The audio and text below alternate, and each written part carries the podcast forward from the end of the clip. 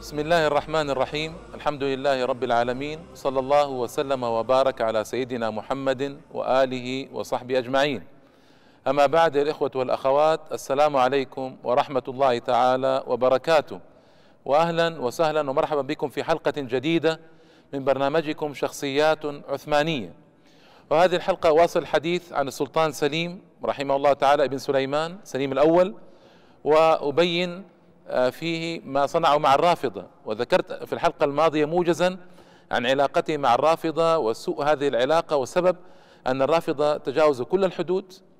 وللأسف الشديد طعنوا الدولة من الخلف واتفقوا مع الأوروبيين عامة والبرتغاليين خاصة لحماية مكاسب الصفويين وضرب الدولة العثمانية من الخلف.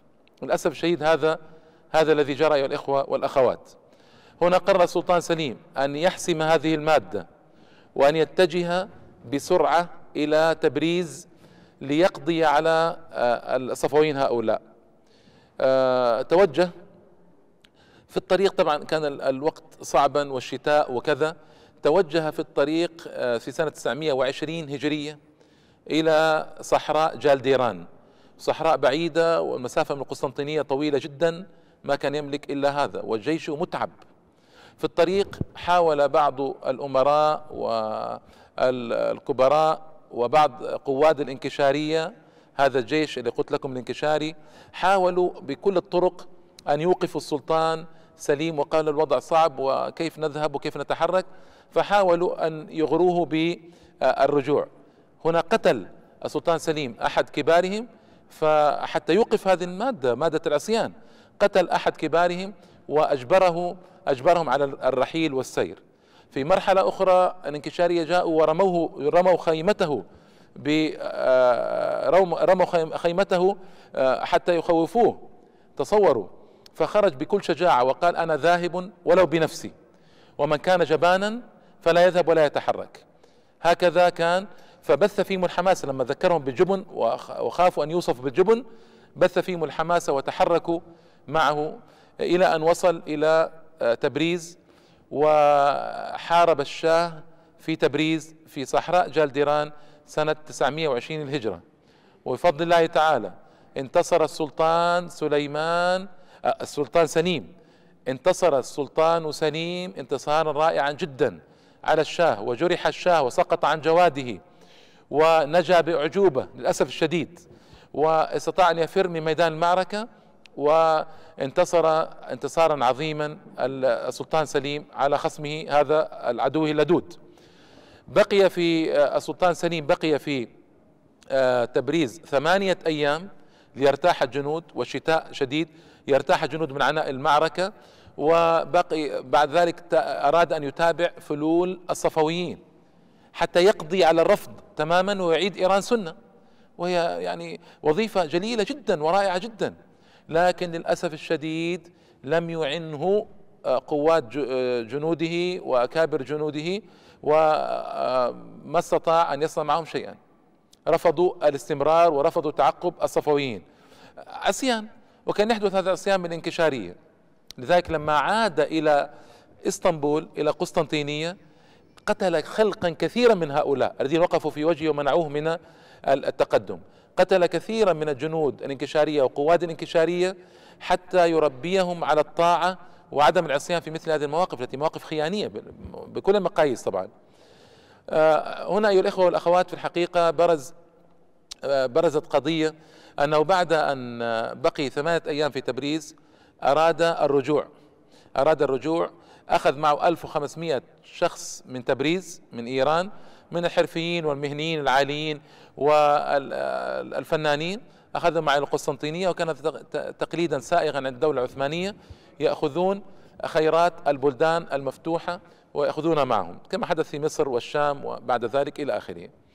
في الرجوع آه، آه، ظهرت مشكلة مصر والشام. قبل مشكلة مصر والشام هو استطاع بفضل الله تعالى أن يحسم الخطر الصفوي إلى بعد حين. وأن يوقف هذا العدو اللدود مدة طويلة من الزمان بفضل الله ومنته. رجع إلى الآن يريد أن يدخل مصر والشام. سبب دخولي أنه ورد مكاتبات آه، من علماء الشام وغيرهم تبين له وكان أيضا من علماء الدولة العثمانية تبين له أن قنصوه قنصوه الغوري آه، آخر السلاطين المماليك في القاهرة كان على اتصال بالشاه. إسماعيل صفوي. كان بينهما اتصال بين الشاه وبين قنصوه الغوري فغضب السلطان سليم. وأراد طبعا أيضا سلطان سليم الدولة المماليك صارت دولة ضعيفة. أراد أن يؤمن الحجاز والبحر الأحمر من هجمات البرتغاليين الذين نشطوا في المنطقة جدا. أراد يؤمن المنطقة آه، باستيلائه على مصر والشام طبعا ثم استيلاء الحجاز شيء طبيعي بعد ذلك آه، وبعض مناطق اليمن. فتؤمن موانئ البحر الأحمر وتؤمن موانئ الخليج العربي.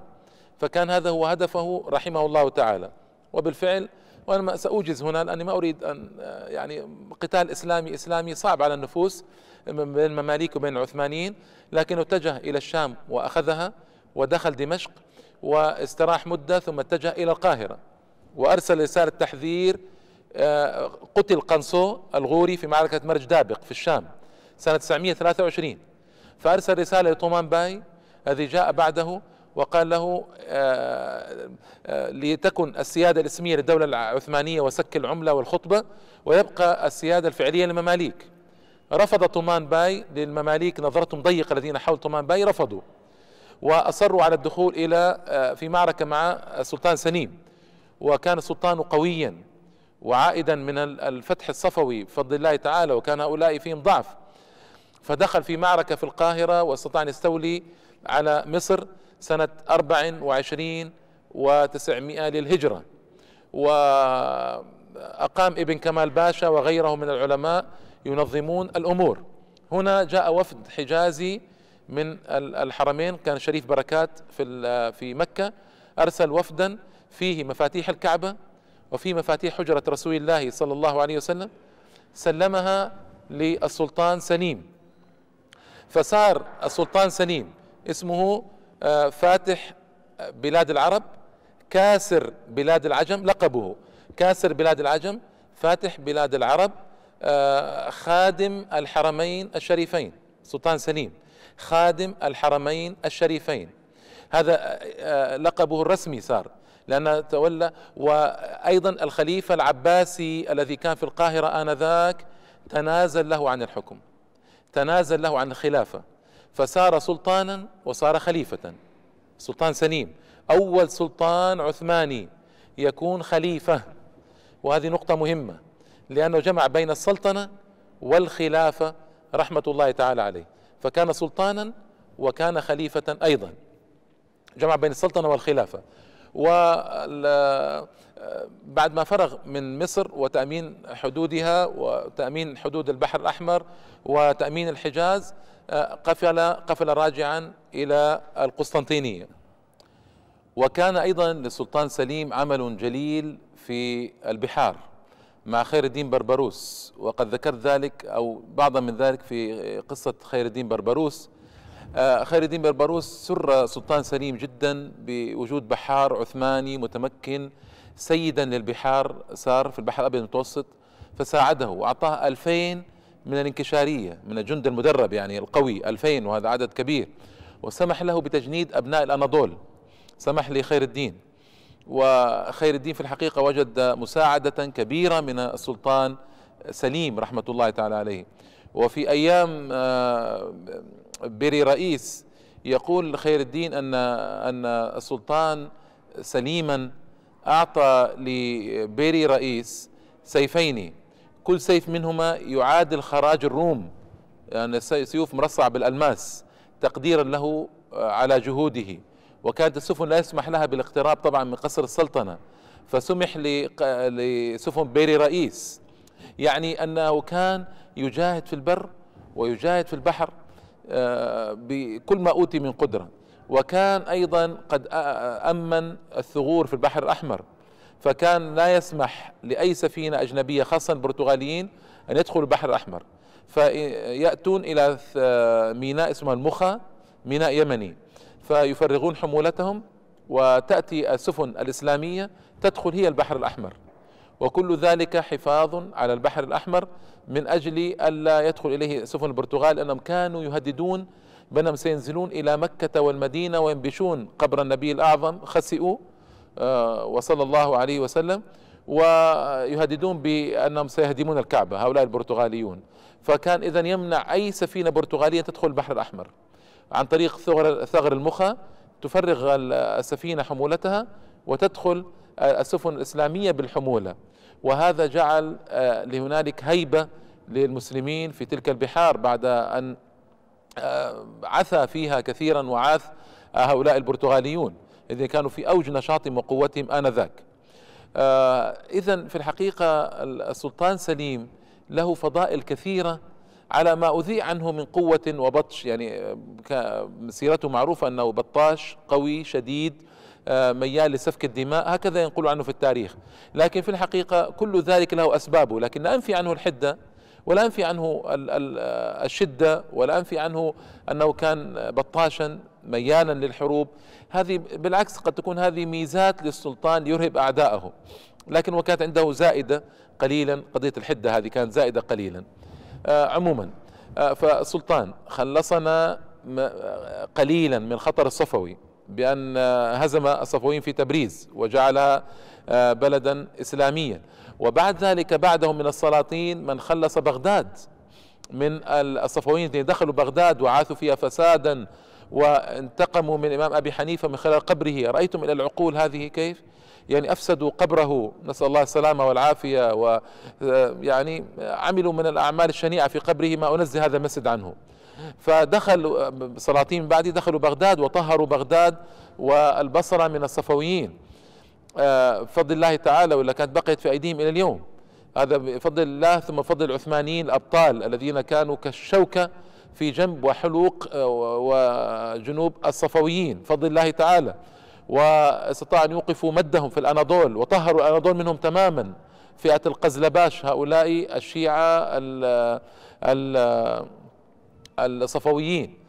وفضل الله تعالى ثم إنه حمى البحر الأحمر ثم إنه أضاف إلى ملكه آه، ملك العثمانيين مصر والشام آه، دول كانت ضعيفة.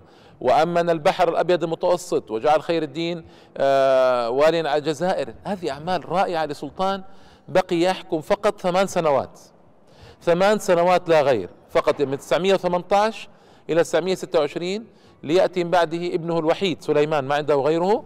ليكون أعظم سلاطين بني عثمان سلطان سليمان القانوني الذي حكم قرابة خمسين سنة واتسع ملك بني عثمان جدا في أثناء حكم السلطان سليمان ابن السلطان سليم وصلوا لدرجات عليا من الهيبة والقوة والشدة وخافتهم أوروبا وحسبت لهم ألف حساب. آه هذا ما مكنني من, من الإيجاز من سيرة سلطان سليم في حلقتين. أسأل الله أن يغفر له وأن يتجاوز عنه وأن يرحمه وأن يعلي درجته بما صنع للإسلام والمسلمين. إنه ولي ذلك والقادر عليه. وإلى اللقاء الإخوة والأخوات في حلقة قادمة. والسلام عليكم ورحمة الله تعالى وبركاته.